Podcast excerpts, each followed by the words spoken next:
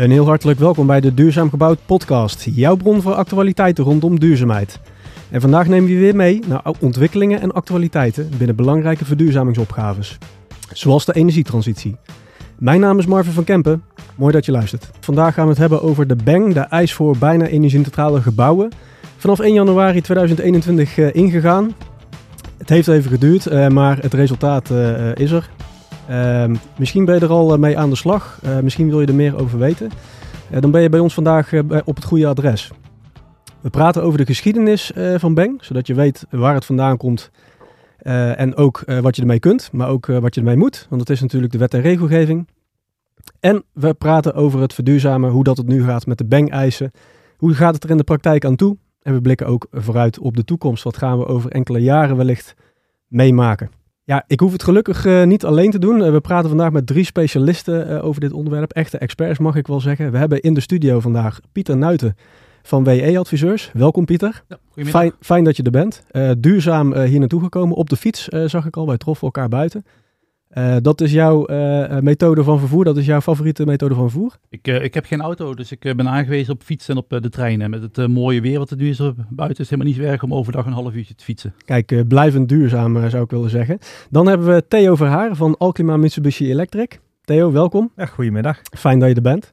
Uh, eerste keer uh, podcast opnemen voor jou? Voor mij de eerste keer podcast, ja. Veel presentaties en dergelijke gedaan, maar de podcast is voor nu uh, de eerste keer. Dus. Je, je, staat vaker op het podium, dus dan krijg je zo'n microfoon ja, je, ja, op een headsetje inderdaad, met een, een groot publiek. Dus dit is een andere ervaring. Ja, en, um, en als je op het podium staat, waar, gaat het meestal over jullie, jullie oplossingen? Want jullie zijn natuurlijk ja, leverancier van klimaatoplossingen. Uh, ja. uh, dan gaat het daarover. En de Bang, komt die voor, vaak voorbij voor jou? wel in het dagelijks werk, maar niet, niet op het podium. Dat is dan weer wat minder. dat is meer echt puur op, op ondersteuning naar onze, onze klanten, ja, de, de, de gehele bouwkolom.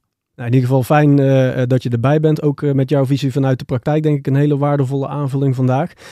En onze derde expert, nog niet geïntroduceerd, Claudia Bouwens van NEPROM, een lenteakkoord die we hebben ingebeld. Claudia, een hele goede middag. Ja, wij hadden jou natuurlijk graag in de studio gehad. Het is niet zo dat we jou niet graag hier willen, integendeel zelfs. maar ja, de situatie is even anders. Als ik even bij jou mag beginnen, hoe gaat het met jou? Ja, ik zit in thuisquarantaine. Ik was maandag in de buurt van iemand die later corona bleek te hebben. Dus het leek me verstandig om niet naar de studio te gaan en jullie allemaal uh, te vrijwaren van eventuele uh, uh, overdracht van een virus. Nou, maar ik, ik weet zelf nog niet of ik het heb hoor. Nee, nou, je klinkt goed en volgens mij gaat het ook heel goed met jou. Dus ook voor jou een heel hartelijk welkom. Fijn dat je erbij bent, ook vooral. en de mensen weten dus ook dat jij inbelt. Dus ja, mocht de verbinding wegvallen, dan gaan we het gewoon nog een keer proberen.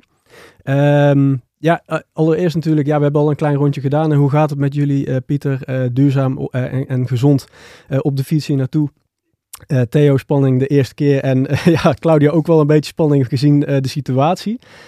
ik ben even benieuwd naar jullie verbinding met het, met het onderwerp. Ik, we nodigden jullie uit voor het thema Bang. ja, jullie waren meteen vol enthousiasme. Zeiden jullie van ja, daar gaan we, gaan we zeker naartoe.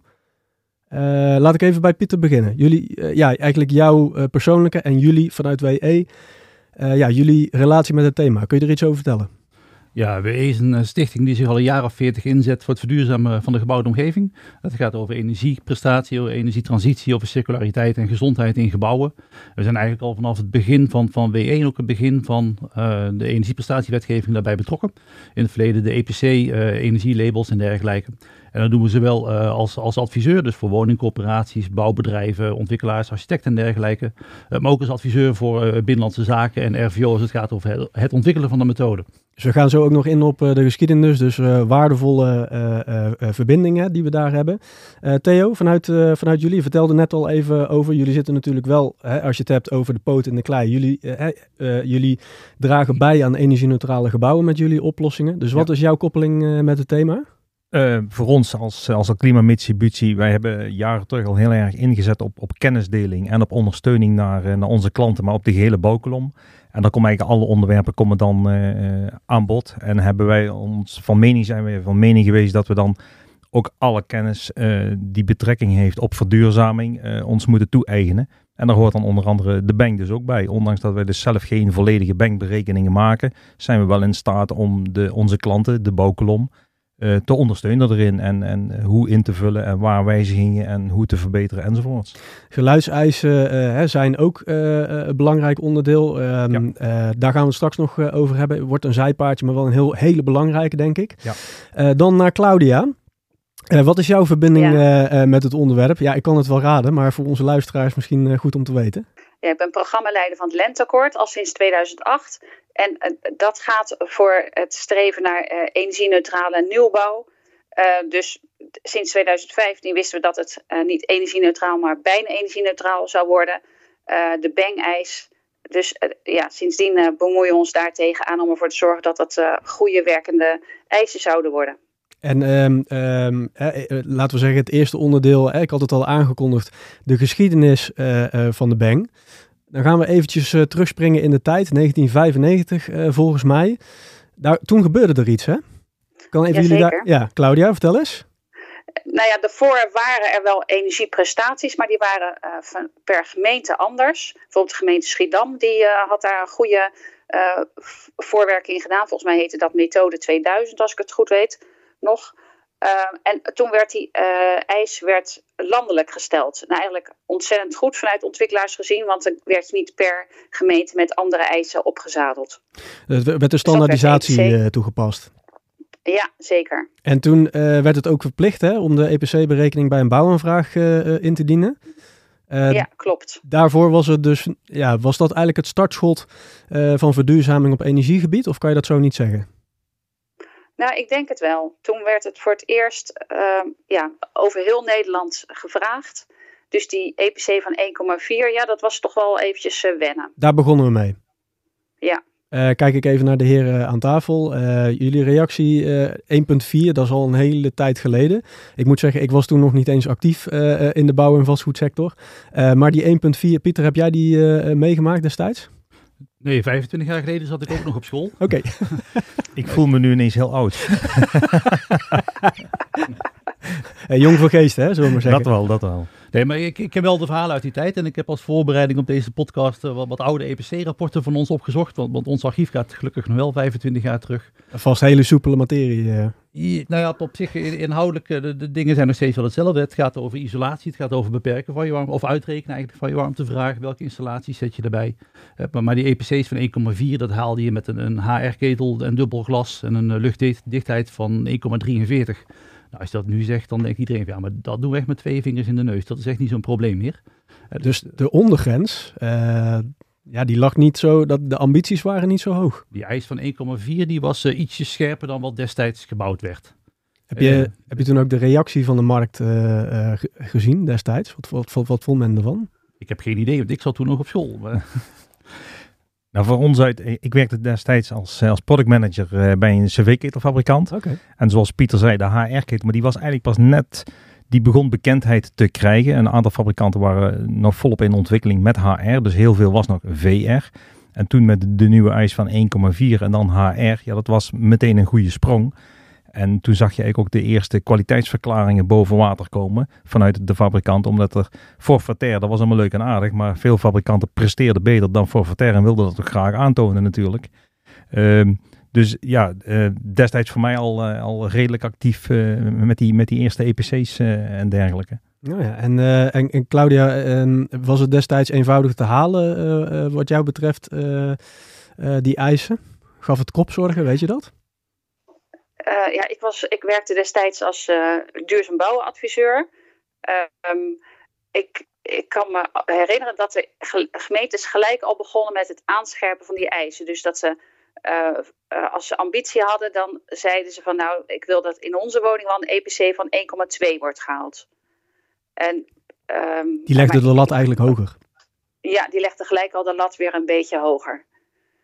Zo, zoals het hoort misschien ook wel hè, voor een gemeente. Ja, ja nou ja, zo, zo, zo gingen we natuurlijk uh, langzaamaan naar de 0,4 toe.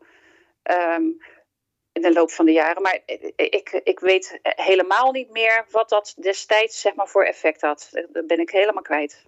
En uh, ja, je, je noemt uh, terecht de 0,4. Um, als ik dan even kijk naar hoe ik dat heb ervaren, dat was uh, toch wel de mijlpaal. Hè, waarbij hè, partijen onder andere als uh, Alklima, Mitsubishi Electric, maar ook hè, andere uh, koplopers ja, was toch weer een mijlpaal hè, om te laten zien wat je kon. hoe hebben jullie dat ervaren, zeg maar, die, die weg daar naartoe? Dus ja, laten we zeggen, de sprong van 1,4 naar 0,4 is natuurlijk vrij, vrij fors. Dus hoe zag ja, dat traject er eigenlijk uit? Weten jullie daar wat meer van? Ja, voor ons was heel duidelijk merkbaar dus de, dat er steeds meer de vraag kwam eh, eh om de keuze te leggen op, op warmtepompsystemen. Gecombineerd met uh, ventilatie D, uh, warmte terugwinning natuurlijk. Samen droeg dat behoorlijk bij aan die, aan die verbetering om richting 0,4 te gaan.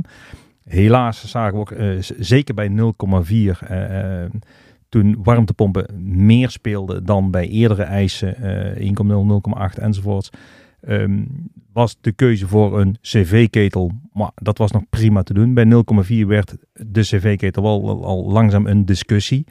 En zag je ook andere oplossingen dan met compensatie, bijvoorbeeld met PV-panelen dat men dan toch weer voor een, eh, een, een gasoplossing eh, zocht en dan minder in de warmtepomp. 0,4 deed nog niet uh, voor jullie wat, ja, wat, wat jullie eigenlijk graag zouden willen. En dat is met eigenlijk de, de push richting All Electric uh, geven. Ja, ja, en met name nu dus die, de Bang, om vooruitlopend daarop, speelt daar wel beter op in. Om, omdat er nu op verschillende aspecten gekeken wordt, Bang 1, 2 en 3 is, het, uh, is eigenlijk een gasoplossing bijna niet meer mogelijk. Terwijl met 0,4 was het met compensatie nog, nog eigenlijk goed te halen.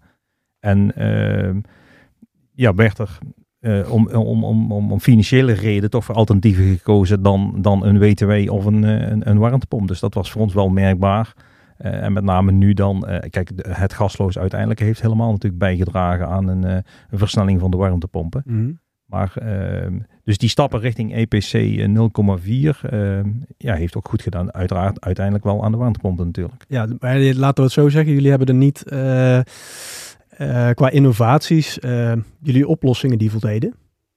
Ja. Dus jullie hebben daar niet uh, uh, qua innovaties, hè, ik kan me voorstellen vanuit jullie eigen R&D, uh, willen jullie innoveren en willen jullie steeds beter en, en, en efficiënter, et cetera. Maar je hebt daar niet echt, jullie waren voorbereid op die EPC, die 0,4, zo zou je het eigenlijk kunnen zeggen. Ja, en er is wel een sprong in ontwikkeling geweest bij EPC 0,8 naar 0,4 in die ontwikkeling van warmtepompen. En met name op, op, op het type compressor en dergelijke en rendementen. Maar je zag dan ook wel een sprong in ontwikkeling, ook door concurrentie natuurlijk.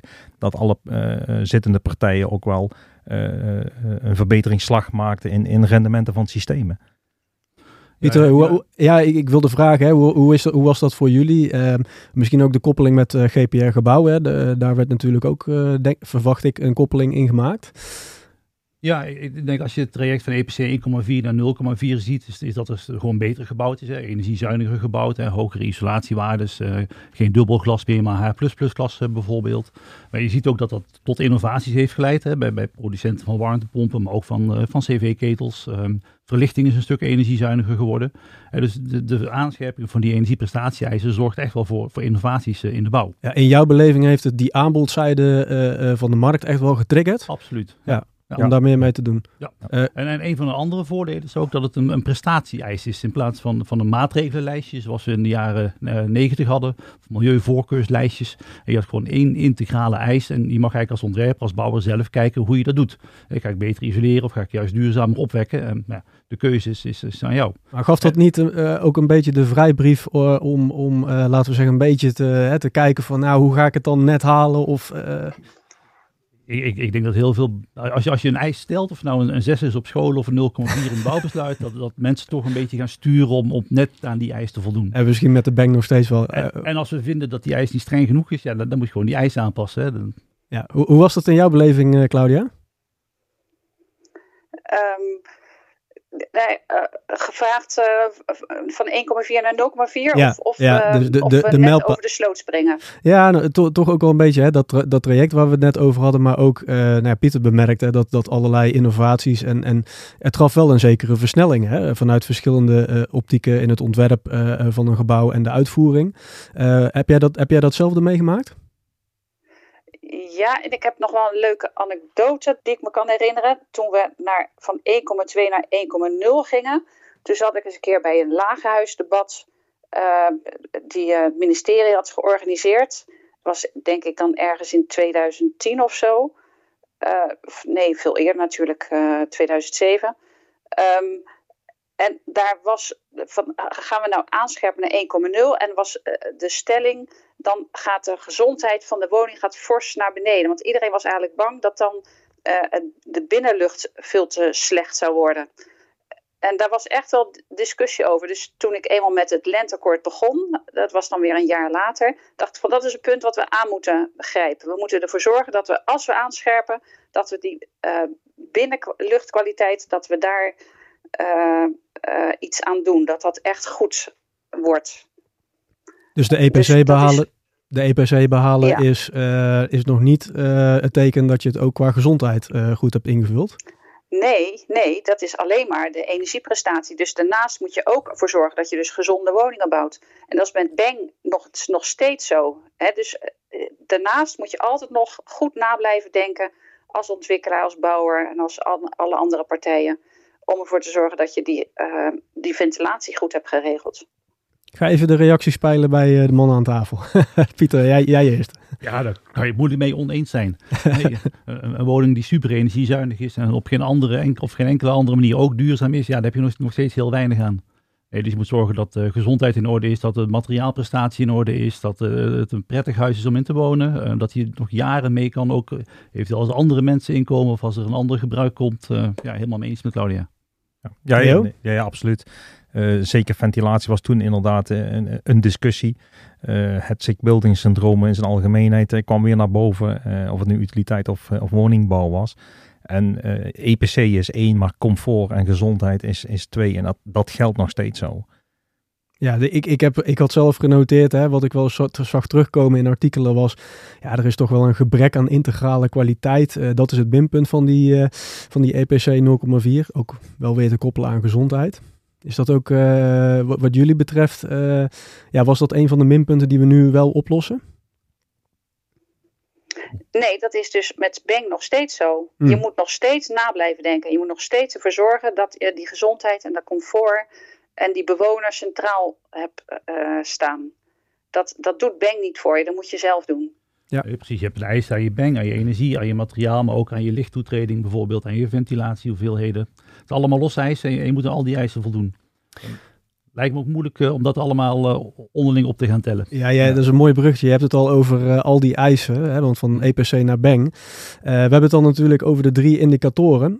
energiebehoefte, BANG 1, primair uh, fossiel energiegebruik, uh, Bang 2 natuurlijk, en de zonnepanelen op het dak of in, de, in de gevel geïntegreerd bij je PV bijvoorbeeld het aandeel hernieuwbare energie, Bang 3. wat vinden we van die, van die opsplitsing? Ja, de voordelen die zijn, ja, die werden al even door jou benoemd, Pieter. maar wat vinden we ervan ook richting de praktijk? Hoe, hoe pakt het uit? Ja, ik denk... Mag ik beginnen? Jazeker. Ga je gang, oh, Claudia. Dames voor. Ja, altijd. Oké. Nou, heel fijn. Ik ben er ongelooflijk blij mee. En dan vooral uh, de uitsplitsing dat die Bank 3 duidelijk maakt wat hernieuwbare energie is. Uh, daardoor is bijvoorbeeld uh, het aandeel van warmtenetten ineens veel belangrijker geworden. En zie je dus ook het onderscheid in de verschillende warmtenetten, welke wel duurzaam is en welke niet. Nou, dat, dat is echt ontzettend veel helderder. Daar ben ik ongelooflijk blij mee. Want, want kun jij uitleggen wat daar eerst niet goed in ging? Um, warmtenetten werden ondergewaardeerd.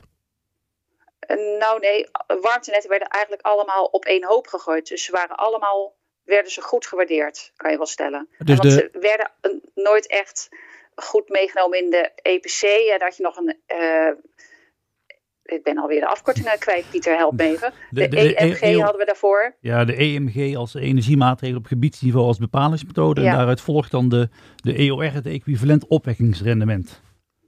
ja. Voor een beetje warmte net. Ja, met, met al die afkortingen vandaag. Uh, ja, nee, dat wordt hartstikke ingewikkeld. Nee, maar dat wordt nu met Bang dus veel helderder uit elkaar gerafeld.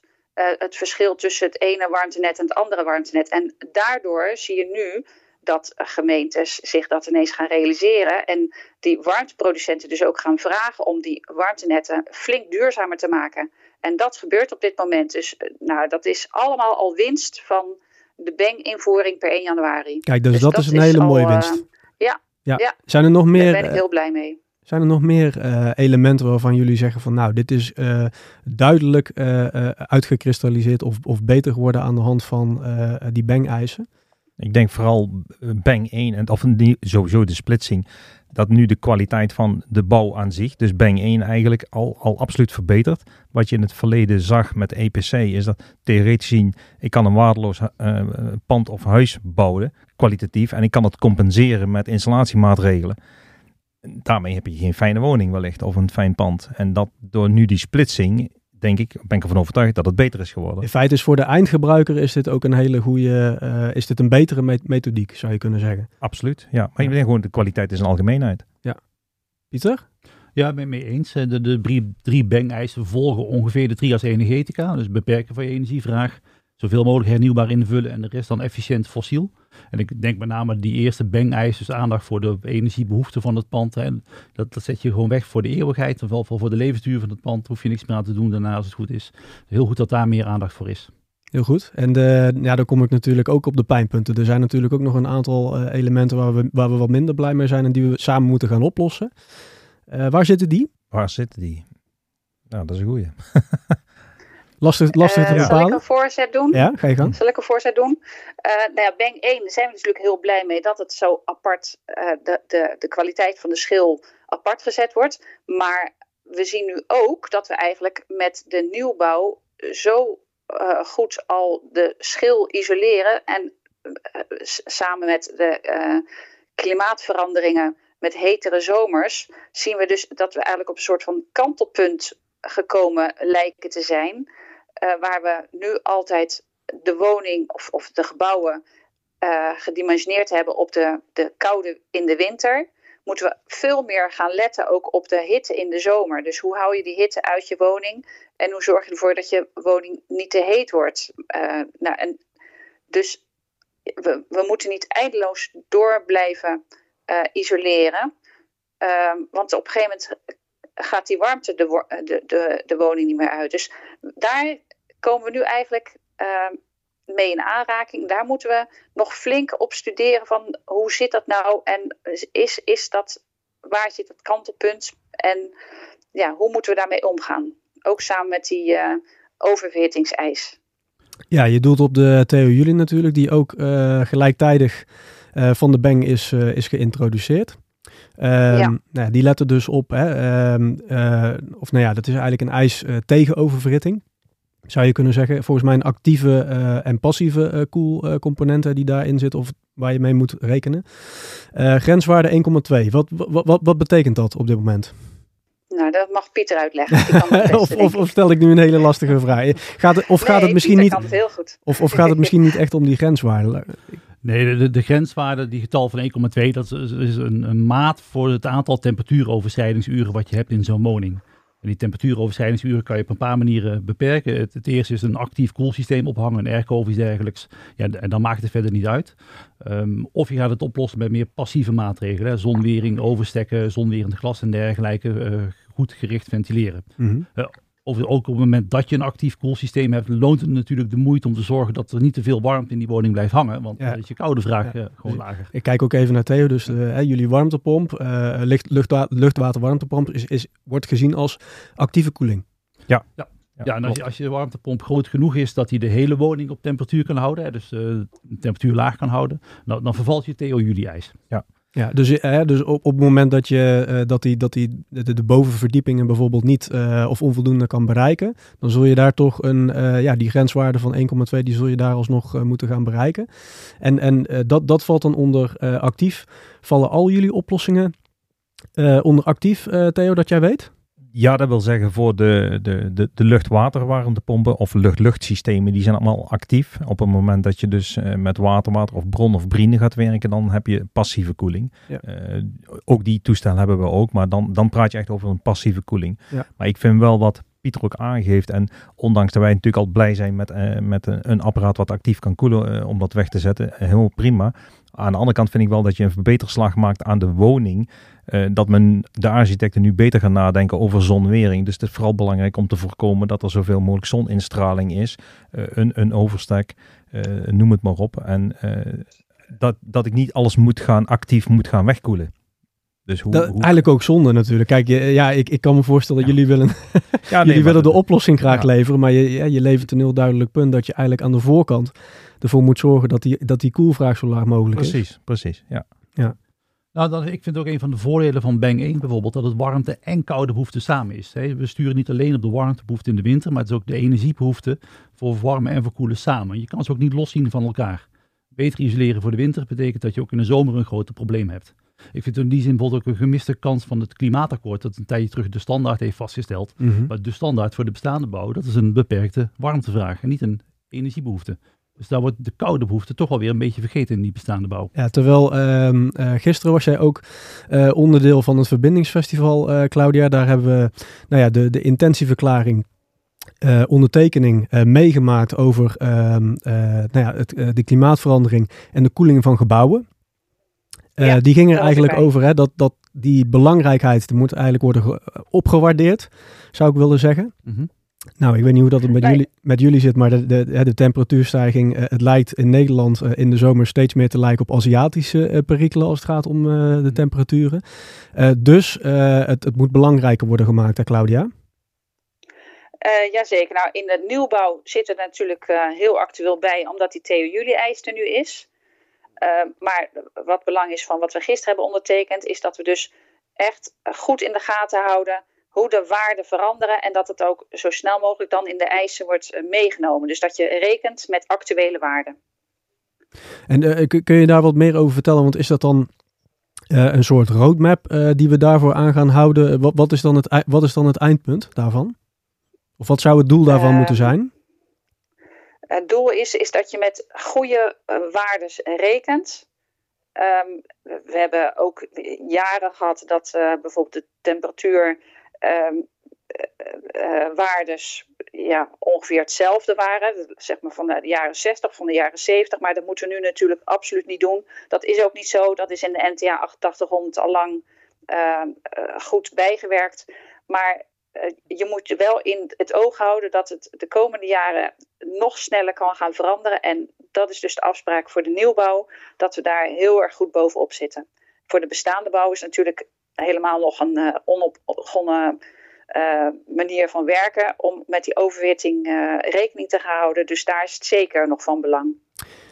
Jij hebt ondertekend, Claudia. Ehm, Pieter was gisteren ook onderdeel van een rondetafelgesprek uh, daaromtrent. Uh, mij viel op dat uh, daar ook uh, de rol van de gebruiker uh, ook nog naar voren kwam. Uh, dus in hoeverre um, ja, snapt de gebruiker uh, de oplossingen die je in de, in, in de woning bijvoorbeeld hebt uh, toegepast? Wat waren verder nog uh, interessante ja, eigenlijk bevindingen uit het rondetafelgesprek voor jou, Pieter? Wat heb je daaruit ja, geleerd, opgedaan? Wat, wat viel je op? Nou, dat de gebruiker centraal, dat we dat toch meer moeten doen uh, met, met, met z'n allen in, in, de, in de bouwkolom. Dus bedenken voor wie iets ontwerpt en ook, ook gewoon uh, bij het maken van het ontwerp rekening houden met het toekomstige gebruik. En de gebruiker ook informeren over hoe dat uh, gebruik dan, dan daadwerkelijk is. Een soort van handleiding bij je woning. Ja, we moeten niet denigerend gaan doen, hè? gaf een, uh, een van de, van, van de ronde tafelgesprekdeelnemers al aan. Nee. Je moet mensen niet als kinderen gaan aanspreken, maar je mag mensen natuurlijk wel vertellen hoe iets werkt. Uh, kijk, zonwering is een passieve maatregel, maar als je die zonwering niet naar beneden doet, ja, dan heb je er nog steeds niks aan. Mm. Uh, dus je mag een, een, nieuwe bewoner best wel informeren dat die zonwering niet alleen voor het mooi hangt, maar dat hij die ook kan gebruiken. Dat hij daarmee dus zelf invloed heeft op zijn binnenklimaat. Mm -hmm. Is dat ja. denigrerend? Nou, ik denk informerend. Ik ben even benieuwd, Theo. Jullie zijn natuurlijk, uh, ja, eigenlijk, uh, jullie zijn een belangrijk onderdeel geweest van de stroomversnelling, hebben daar veel in gedaan. Hebben ook veel ervaring uh, opgedaan met die gebruiken, met ja, bewonerscommunicatie, denk ik zelfs ook. Ja. Wat, als je het verhaal van Pieter ook zo hoort, hè, meer de gebruiker centraal stellen. Uh, ja, hoe, hoe, hoe, deden jullie dat of hoe doen jullie dat nu? Ja, dat is sowieso heel erg belangrijk. En wat wij nog steeds doen, is uh, die bewoner uh, ondersteunend aan, aan, aan, aan bouwbedrijven uh, bewonersvoorlichting geven. zeker ten aanzien van warmtepomp, niet alleen voor warmen, maar ook koelen. Hoe, hoe gedraagt een, een, een nieuwbouwwoning zich? En hoe, hoe, wat mag een bewoner daarvan verwachten? En hoe moet hij daar zelf mee omgaan? En dat is al een simpel iets, wat net Pieter ook al gaf, aangaf over de, de zonwering. Maar we zijn uh, o zo blij met die zomer, dus alle tuindeuren open. Ja, je moet je afvragen, moet je dat nog wel willen in een nieuwbouwwoning? Uh, natuurlijk willen we die verbinding met buiten. Maar in, in warme landen, in de zuidelijke landen, begrijpen ze prima dat daar alles dicht moet blijven om de koelte binnen te houden. En dat is een, een, een gewenning voor ons als, als, als in noordelijk land eigenlijk, om het zo uit te drukken. Ja, dus krijgen we dan straks niet, uh, misschien ook een vraag voor Claudia, krijgen we dan straks, straks niet een discrepantie tussen uh, wat de Theo jullie beoogt hè, en op het moment dat je het behaalt. En vervolgens gaat die gebruiker, die gaat allemaal gekke dingen doen uh, tussen haakjes. Ja, dan is die eigenlijk nog niet effectief. Nou ja, die gebruiker, die proberen we nu al te bereiken. Uh, we hebben in het Lentkort hebben we al heel veel kennis hierover verzameld. En uh, uh, daarvoor hebben we ook gezorgd dat dat bij Milieu Centraal terechtkomt. Die heeft ook bij ons meegedacht over goede informatie erover. We hebben de artikelen in de Volkskrant erover zien verschijnen. Elke keer als het weer warm wordt, aan het begin van de zomer. Um, het, zoals Harm Valk altijd zegt, we, gaan, we moeten mediterraner gaan wonen dat je weet als het warmer wordt, ja, ramen dicht en s'avonds uh, ramen open. Dat is gewoon iets wat, we, wat bij iedereen eigenlijk tussen de oren moet komen. Zo simpel is het. Ja, dan, ja, dan, dan zit ik nog even, kijk ik ook even naar, naar Theo. Wat, wat was nou ja, de, de belangrijkste manier om uh, de persoon achter de voordeur te benaderen? Ik bedoel, je kan daar niet aankomen met nou ja, een brochure, want dan nee. gaat hij misschien de, hopelijk de papierbak wellicht ja. nog in, maar... Nee, we hebben dat echt aangepakt op, op, uh, als mens tot mens. En dan ja. via de bouwer om in een, in een voortraject. Bouwers uh, organiseren altijd bewonersbijeenkomsten. en wij hebben echt aan de bouwer aangegeven van nou, laat ons daar deel van uitmaken in het, in het voortraject voor oplevering. Dat wij die bewoners in Jip en Janneke gewoon uitleggen wat, wat hun nieuwbouwwoning, wat dat inhoudt. En dan beperken we ons niet alleen maar tot die warmtepomp verwarmen en koelen, maar dan pakken we in, dat, in ons verhaal pakken we daar ook ventilatie bij en, en gewoon het algemeen bewonersgedrag. En dat, dat wordt gewoon heel goed ontvangen en het geeft um, wat, ja, de, uh, voor, voor de bewoner rust. Hij, hij krijgt iets nieuws wat hij eigenlijk ja, letterlijk nieuw en, en misschien een stukje onbegrip of gewoon niet begrijpt van wat, wat houdt dat dan allemaal in. En of dat nu uh, jonge mensen zijn of ouderen, op het moment dat je dat goed uitlegt, wat, wat een bewoner van een dergelijke woning mag verwachten en hoe dat hij daar het beste mee om kan gaan.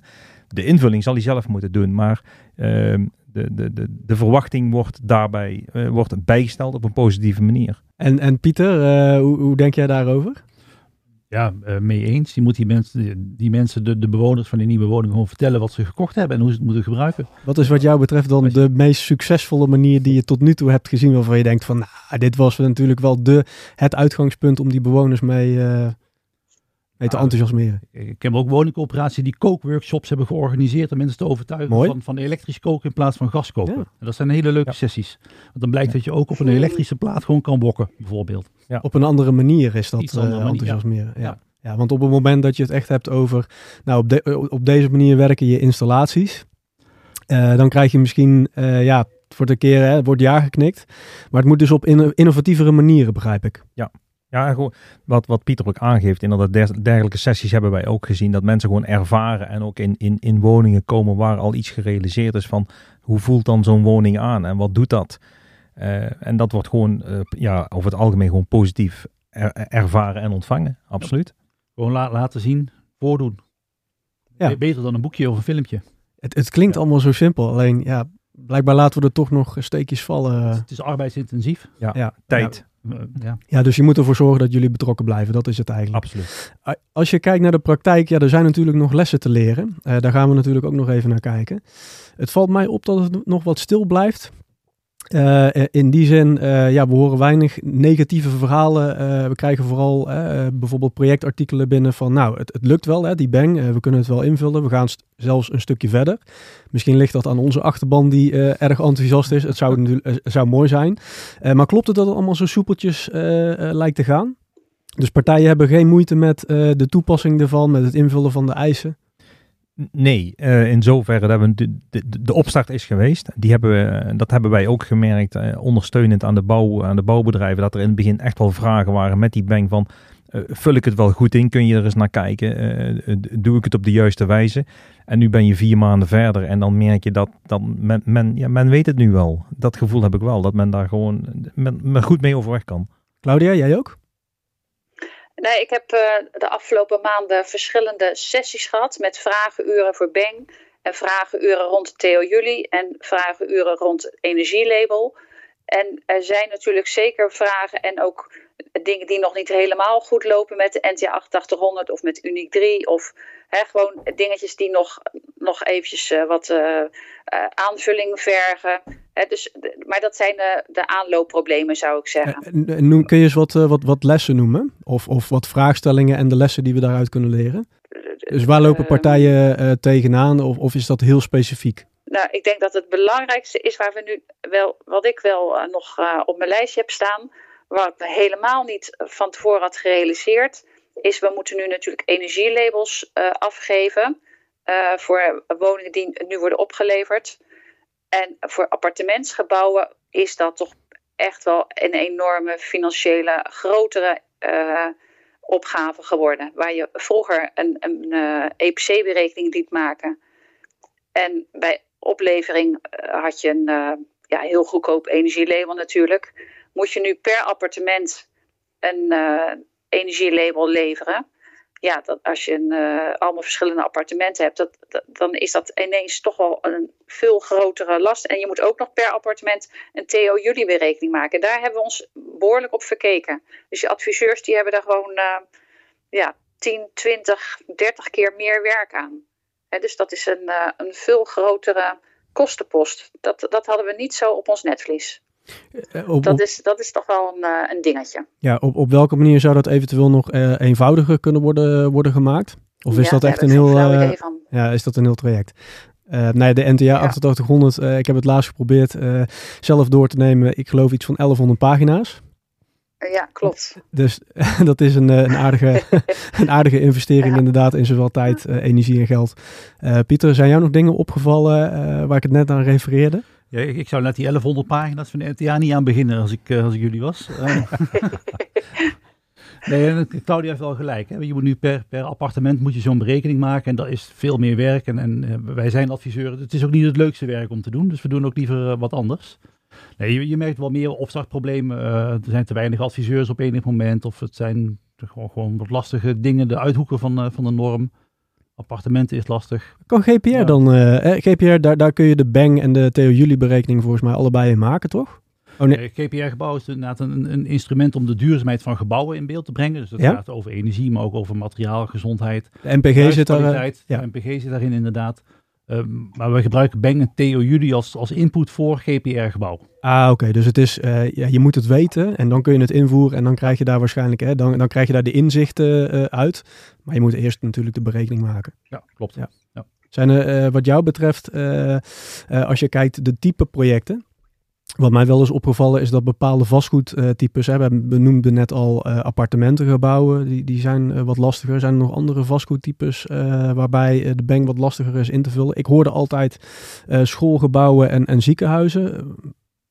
Nou, appartementengebouwen zijn niet zozeer lastiger, ze zijn vooral heel veel bewerkelijker. Ja, oké.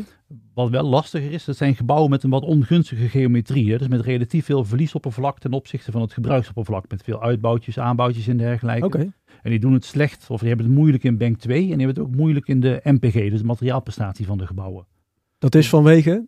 Omdat die wordt gerelateerd aan het gebruiksoppervlakte. Ja. Dus als je relatief veel uh, gevel hebt, bijvoorbeeld ten opzichte van je gebruiksoppervlakte, ja, dan, dan heb je dus lastiger om de eisen te halen. Oké. Okay. Dat geldt voor vrijstaande woningen, twee kappers, uh, patio woningen en dergelijke. Dus ik denk dat daar vooral de uitdaging zal zitten de komende periode. Claudia of, uh, of Theo, zien jullie daar nog uh, uh, ja, bepaalde types vastgoed, vrijstaande woningen? Nee, nee, nee. Ja, goed wat Pieter aangeeft, maar verder, de, zeker in de seriematige gebouw, ja, daar is weinig spannends aan op zich. Claudia, wellicht nog? Ja, ik, ik weet alleen maar van woningbouw. Ik doe geen andere utilitaire gebouwen. Uh, het enige waar we nog enigszins uh, benieuwd naar zijn, is hoe een uh, vrijstaande uh, eenlaagse woning uit zou pakken ja, in ja. Beng.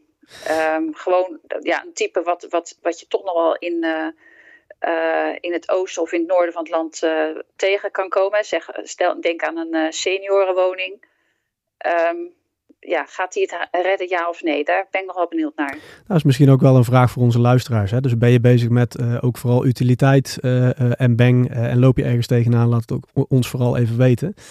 dan gaan we daar op een later moment nog over in discussie. waar ik even een leuk zijpaardje, of nou ja, leuk, in ieder geval interessant, uh, uh, zijn de geluidseisen. Uh, dan kijk ik ook even naar Theo. Jullie hebben daar nogal een standpunt in, de geluidseisen voor, voor warmtepompen die ook ja. zijn ingevoerd. We hadden het in de voorbespreking hadden we het er even over. Zijn die op 1 april ingevoerd? Wij denken allemaal van wel. Dus daar gaan we daar maar even vanuit. Daar gaan we nog vanuit. Ja, je, weet, je weet het nooit hè, in onze sector. maar 1 april zijn ze ingevoerd als het goed is. Um, wat, wat, wat is jullie standpunt daarin? Waarom is dat een belangrijk uh, element? Um, in zijn algemeenheid omdat je gewoon uh, kwaliteitsverbetering krijgt. Uh, het slechte haal je eruit en, en de betere apparaten komen naar boven toe. Uh, dus het is in basis gewoon goed dat er geluidseisen zijn. Uh, er was in het verleden natuurlijk, je krijgt allerlei bijna zinloze discussies tussen gebruikers. tot rechtszaken toe waar je wellicht helemaal niet op zit te wachten. Nee. Uh, men, dat men bewuster wordt waar je met een bepaald toestel blijft, inderdaad. de, de wildgroei zoals je in zuidelijke landen ziet, of in, in, in China met de gevels. Je, je kijkt je ogen uit hoe het daar kan ten aanzien van, van airco's die aan gevels gemonteerd worden. Ehm, daar willen we dan hier in Nederland dus niet naartoe. Dus nou goed, de geluidseisen in zijn algemeenheid is prima dat ze, dat ze er zijn gekomen. Uh, en goed, Jullie hebben nog wel wat op een aanmerking, hè? Ja, nou ja, goed. Kijk, wij zijn, zeker als Mitsubishi, en ik denk dat het voor veel partijen geldt, voor veel leveranciers. We zijn natuurlijk een wereldspeler en wij willen alles doen en wij willen alles ontwikkelen. Maar dan moet dan wel iets aan de grondslag liggen. En dat is vooral normen en, en, regelgeving, maar vooral een norm. En zeker een Europese norm, daar kunnen wij als, als leverancier, als fabrikant, kunnen we daar iets mee. Want op het moment dat er een norm aan ten grondslag ligt dan is het oké, dan liggen dus de, de uitgangspunten liggen vast. En dan kunnen we daar iets op ontwikkelen. Maar nu hebben we een, een, een wetgeving waar eigenlijk in basis geen norm aan de grondslag ligt. En dat wordt voor ons als, als, als fabrikant is dat wel een lastige. Um, er wordt geroepen over, of geroepen, er ligt, is nu vastgesteld dat het geluid um, uh, een bepaalde waarde mag hebben op, uh, op, op maximaal vermogen van het toestel. Ja, leuk, maar het is geen ketel die je aan of uitzet. Het is een natuurkundig proces van verdampen en condensatie. En daar hangen condities aan vast. Dus wij vragen dan, dat hebben we van tevoren aan de overheid ook gedaan, van oké, onder welke condities moet die maximaal draaien? Ja, ja. En, uh, en daar zie je nu de eerste wildgroei al in ontstaan. Want uh, het, uh, de waarde maximaal is bijvoorbeeld niet de geluidswaarde die op het ERP-label staat. Dus de rekentool die vanuit RVO ter beschikking is gesteld, een prima tool. Maar welke waarde vul je daar dan in? En uh, wij zijn daar uh, redelijk met de billen bloot gegaan. We hebben een whitepaper geschreven uh, met, met onze maximale waarde bij min 10, 55 graden. Wij hebben dat gewoon als maximum gesteld. Van, dan is het toestel op, op zijn maximaal bezig om tapwater te produceren. bij min 10 buiten. Nou, die waarde, die geluidswaarde, die hebben wij gemeten vanuit Mitsubishi. Dus die communiceren wij. Maar dat is niet de waarde die op een ERP-label staat. Nee. Maar zijn jullie nu uiteindelijk wel uh, tevreden met, uh, met hoe de geluidseisen er nu, uh, hoe het er nu voor staat? Want eind vorig jaar heeft jouw collega Rudy, Rudy Gevers, heeft een expertpost op duurzaam gebouwd gepubliceerd. Nou, hij had nog wel wat op- en aanmerkingen destijds op, uh, op de invoering. Uh, onder andere, als ik het mij goed herinner, over uh, de verschillende temperaturen, de buitentemperaturen waarop, ja. ik, ken, ik ben niet zo technisch in dat opzicht, maar de verschillende temperaturen waarin jullie apparatuur moet functioneren. hoe is dat nu? Ehm, niet heel veel beter. Die argumenten van Rudy die staan feitelijk nog steeds. Er zijn er een paar uh, iets duidelijker geworden. Onder andere die temperatuur. Nu heeft de overheid gezegd, oké, dan moet gemeten worden bij maximaal 10 graden. Uh, prima. Dus als ik bij 9 graden ga meten en ik doe een, een geluidsmeting en hij voldoet. En vervolgens is het min 2 en de bewoners gaan klagen. Hmm. Want op dat moment bij min 2 draait het toestel anders dan bij 9 graden. En dat is waar wij steeds op gewezen hebben. Van leg daar alstublieft een norm aan ten grondslag. En het liefst nog een Europese norm. Dan is het voor iedereen helder en vast.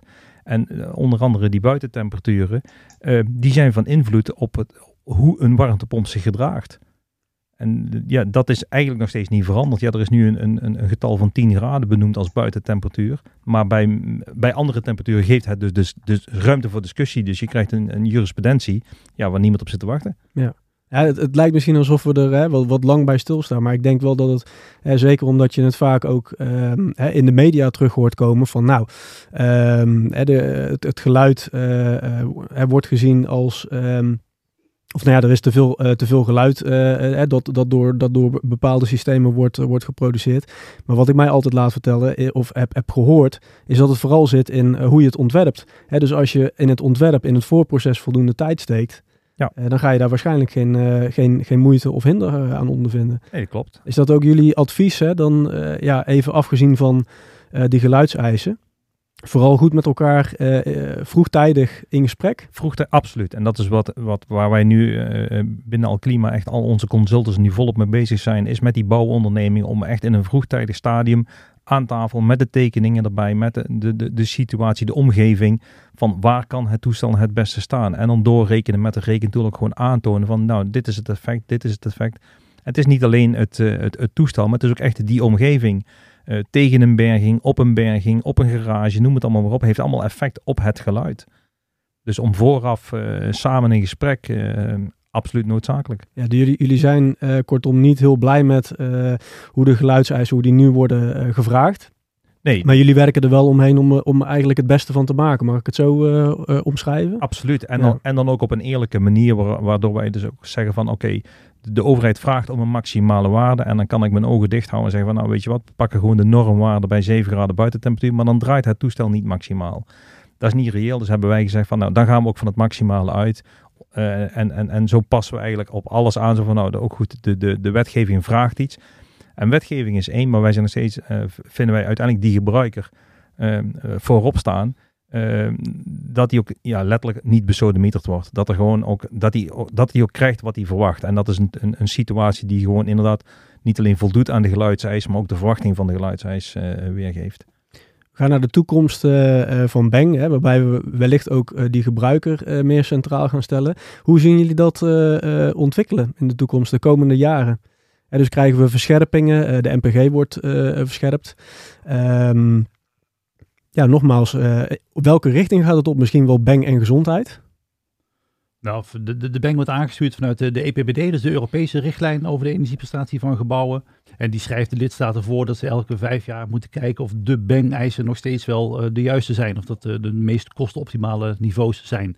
En dus zullen, sowieso zullen we elke paar jaar moeten kijken of we die eisen tegen het licht moeten houden. Kost, kosten optimaal. Ah, ja, Als ze hadden gezegd duurzaam en gezond, oh, dat was beter geweest. Dat was mooier geweest. maar nee, daar gaat nee, niet om. ik vind dat kosten optimale heel belangrijk. Ja, ja? vertel verder eh, Claude. Ja. ja, tuurlijk. Ja, nee, maar eh, kijk, iedereen ziet toch uh, hoe de uh, huizenprijzen enorm gestegen zijn. Hè? Dat, dat, dat, moeten we niet onnodig op laten lopen. Dus dat kosten efficiënt, dat is echt heel belangrijk. Daar moeten we niet over lachen. Mm -hmm. wel, welke... Wel... doe je toch. Wel, welke uitdaging ligt er nog? Uh, dus als we het hebben, uh, Theo, jij bent ook uh, vooral betrokken bij energie-neutrale gebouwen. Jullie willen al verder dan, dan, dan Beng. dus welke uitdaging ligt er daar nog? Dat is een goede. Welke uitdaging ligt daar nog? Ehm, ik denk in zijn algemeenheid, dus inderdaad, het, het, het, beperken van fossiele brandstoffen. Ik denk dat daar nog steeds de grootste uitdaging ligt in zijn totaliteit. Mm Pieter? ja, dat, dat is één. En een tweede is, Beng is natuurlijk een, een berekende werkelijkheid. En er is ook een echte werkelijkheid met, met werkelijke energiegebruik en werkelijke meterstanden en dergelijke. En, en lagere EPC's betekent ook wel uh, lagere energiegebruiken, maar dat, het energiegebruik daalt niet zo hard als de EPC's. Dus het blijft een beetje bij achter. Mhm. En ik ben echt heel benieuwd hoe straks Bang gaat uitpakken, of de energieverbruiken die we met Bang uitrekenen, of die dan beter passen bij de werkelijkheid. Of uh, aanscherpen van Bang ook leidt tot echt lagere werkelijke energiegebruiken. Ja, en, en hebben we daar op dit moment uh, zeg je daar ook mee dat we daar op dit moment nog de data uh, onvoldoende over hebben? Ja, Bang is nog vrij nieuw, dus er valt nog niet zo heel veel over te zeggen op dit moment. Klopt. Ja, maar hè, kijk ik ook weer even naar Theo. Jullie verzamelen wel heel veel uh, monitoringsdata. ja. is, is dat nog steeds zo? En, en valt daar al iets aan af te leiden in dat opzicht? Ja, nou in ieder geval wel zo dat hetgeen wat, wat beoogd werd, uh, een, bijvoorbeeld non-woningen, ja. Uh, dat dat ook al allemaal gehaald wordt. Dus wat er toen berekend is door de, zowel vanuit de bouw als ons vanuit het toestel, wat gaat het toestel verbruiken, wat is het totale energieverbruik van die woning, dat dat eigenlijk zelden of nooit wordt overschreden. Dus de, de berekende waarde vooraf, uh, die wordt ook wel gehaald. Ja. En, en, en Claudia, ik weet uh, volgens mij is vanuit het Lenteakkoord ook uh, een inventarisatie gedaan van bankprojecten. Heb ik dat goed? Dat, uh, ook om data te verzamelen over, ja, doet het uiteindelijk wat, wat, wat we hadden bedacht? Ja, nee, dat was een inventarisatie van Zen-projecten. Dus oh, sorry. Ja. Beng is echt de ondergrens. Hè. Dat is vanaf 1 januari de ondergrens, gek genoeg.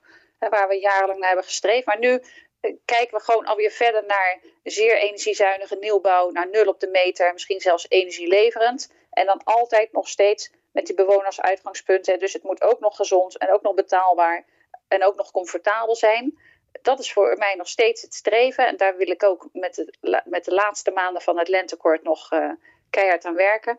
Ervoor zorgen dat uh, die oplossingen die je kiest, dat dat dan ook de ja, goedkoopste, de, de meest betaalbare oplossingen zijn voor de koper en de huurder. Ja, want die, die inzichten vanuit uh, de Zen-projecten, ja, die zijn natuurlijk uh, divers, uh, kan ik mij voorstellen. Maar kan je daar iets ja. over zeggen, wat je daaruit kan halen? Of, of zijn er elementen, verrassende ja. elementen? Ja. ja, zeker.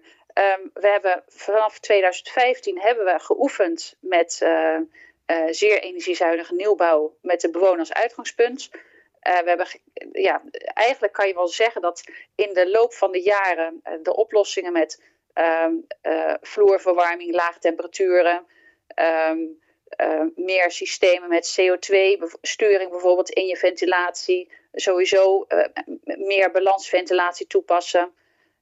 Um, veel meer terugkoppeling van gegevens van hoe het in je woning is, hè, al dat soort van regelingen, systemen, dat dat heel erg goed bevalt in die, uh, in die woningen. Dat de mensen daar heel tevreden over waren. Het enige minpunt wat we nog uit het onderzoek naar boven halen was... ze willen gewoon uh, nog meer informatie. Er werd al uh, veel aandacht besteed aan informatie... maar dat mag gewoon nog beter.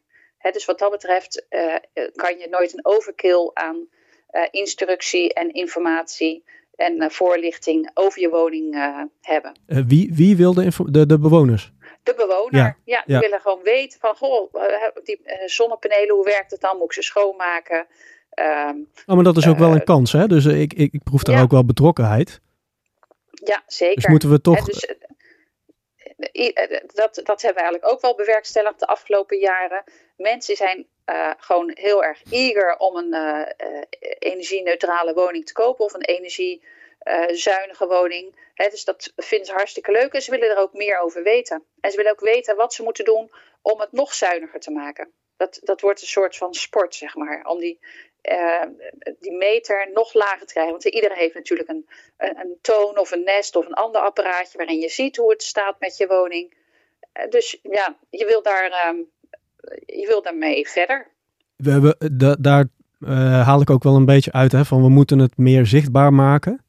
Um, dus dus ja, hoe duurzaam je woning is, je wil dat kunnen zien, je wil dat kunnen, ja, je wilt niet alleen kunnen voelen uh, de gezondheid, maar ook hè, kunnen zien hè, van hoe gezond of hoe duurzaam is mijn woning op dit moment. Dus daar moeten we wat meer op inzetten, zeg jij? Nou ja, dat, dat zie je ook uh, nou ja, niet hoe duurzaam of hoe gezond het is. Dat, dat zie je niet direct in je, uh, ja, hoe heet dat apparaatje in je, in je Ja, je smart control zal dat zijn of een, je, je ja, een of andere. Ja. nee, um, het zal vast geen smart control trouwens heten hoor, maar... Nee, het heet anders. het heet een... Uh, ik ben even het woordje kwijt. Een module? In, in, ja. Het is een toon of een dashboard. Een, een, een dashboard. Een appje. Een appje. Ja, dashboard, ja. ja ah, prima hoor. Maar de, de, de, de, uh, de conclusie is dus dat we ja, innovatiever uh, eigenlijk het zichtbaar moeten maken uh, aan de bewoner, laagdrempelig, van hoe staat het er nu voor? Ja, en dus die informatie goed verstrekken. Ja. En dat, dat, er is nooit een overkill. Dat is, dat is altijd. Um, en, en doe het op verschillende manieren. De, hou informatieavonden, maar zorg ook dat er uh, informatie op papier is of op internet. Uh, ja, je, dat, ja. dat je het niet op één manier houdt. Ja, precies. Niet, niet iedereen is gelijk. En de ene zou graag een boekje willen hebben en de volgende heeft een YouTube-filmpje nodig. Ja, weer ja. een ander die ja. wil uh, ja. in gesprek terwijl hij een hamburger eet, uh, uh, zeg maar bij een buurtfeest. Nou is dat op dit moment even wat lastiger, maar... Ik denk dat iedereen een buurtfeest wil. Ja, heel, heel graag, heel graag. Ja, ja. Nee, de, um, ook een mooie tip, Claudia, en daar wilde ik ook naartoe werken in de, in de vorm van een afsluiting. Um, ga ik nog even hier langs, begin bij Pieter, met betrekking tot jouw tip om aan de slag of, of ja, in Bang eigenlijk in een verder stadium te brengen. God, Lastig. Ja, god, ga er gewoon mee aan de slag. En, Theo? Ja, nou, letterlijk ga ermee aan de slag, maar ook ga gewoon vroegtijdig met elkaar in gesprek met de verschillende partijen binnen die bokelom en blijf niet allemaal op een eiland zitten. In, in de samenwerking uh, geloven wij nog steeds dat daar het meeste te halen valt. En dus die bewustwording uh, van de gebruiker is uh, geloof ik ook wel een hele belangrijke. Ja, trekt die nou, gebruiker erbij. Sluit ook weer mooi aan, mooi aan op het rondetafelgesprek uh, van gisteren. Zo is de cirkel ook weer rond. ik wil jullie bedanken voor jullie enthousiasme, voor jullie deelname aan, aan de podcast. Ontzettend leuk. Claudia, dankjewel dat je erbij bent gebleven de hele periode online. Ja, graag gedaan. Vond het ook heel erg leuk. Heel erg fijn, goed om te horen. En uh, uh, nou ja, uh, ik wil iedereen ook een fijne terug, terugreis wensen naar huis. En Claudia, jij bent al thuis, dus geniet ervan. Dankjewel. En voor onze luisteraars, ik wil jullie bedanken voor het luisteren. Abonneer je op onze podcast. Dat kan op verschillende manieren. Spotify, Apple Podcast, Soundcloud. En je kunt ons ook vinden op Twitter. Duurzaam Gebouwd en op LinkedIn. Stuur ons even een berichtje. Ik ben benieuwd wat je ervan vond. Uh, vond je het fantastisch, dan is dat mooi. Vond je het niks, laat het ook even weten, want dan kunnen wij verbeteren. Uh, laat ook even weten welk onderwerp je graag op onze agenda ziet. En heb je vragen voor onze experts, laat het vooral even weten, want dan ga ik ze even lastigvallen en dan zorg ik ervoor dat jouw vraag ook beantwoord wordt. Ik hoop dat je ervan hebt genoten en tot de volgende keer.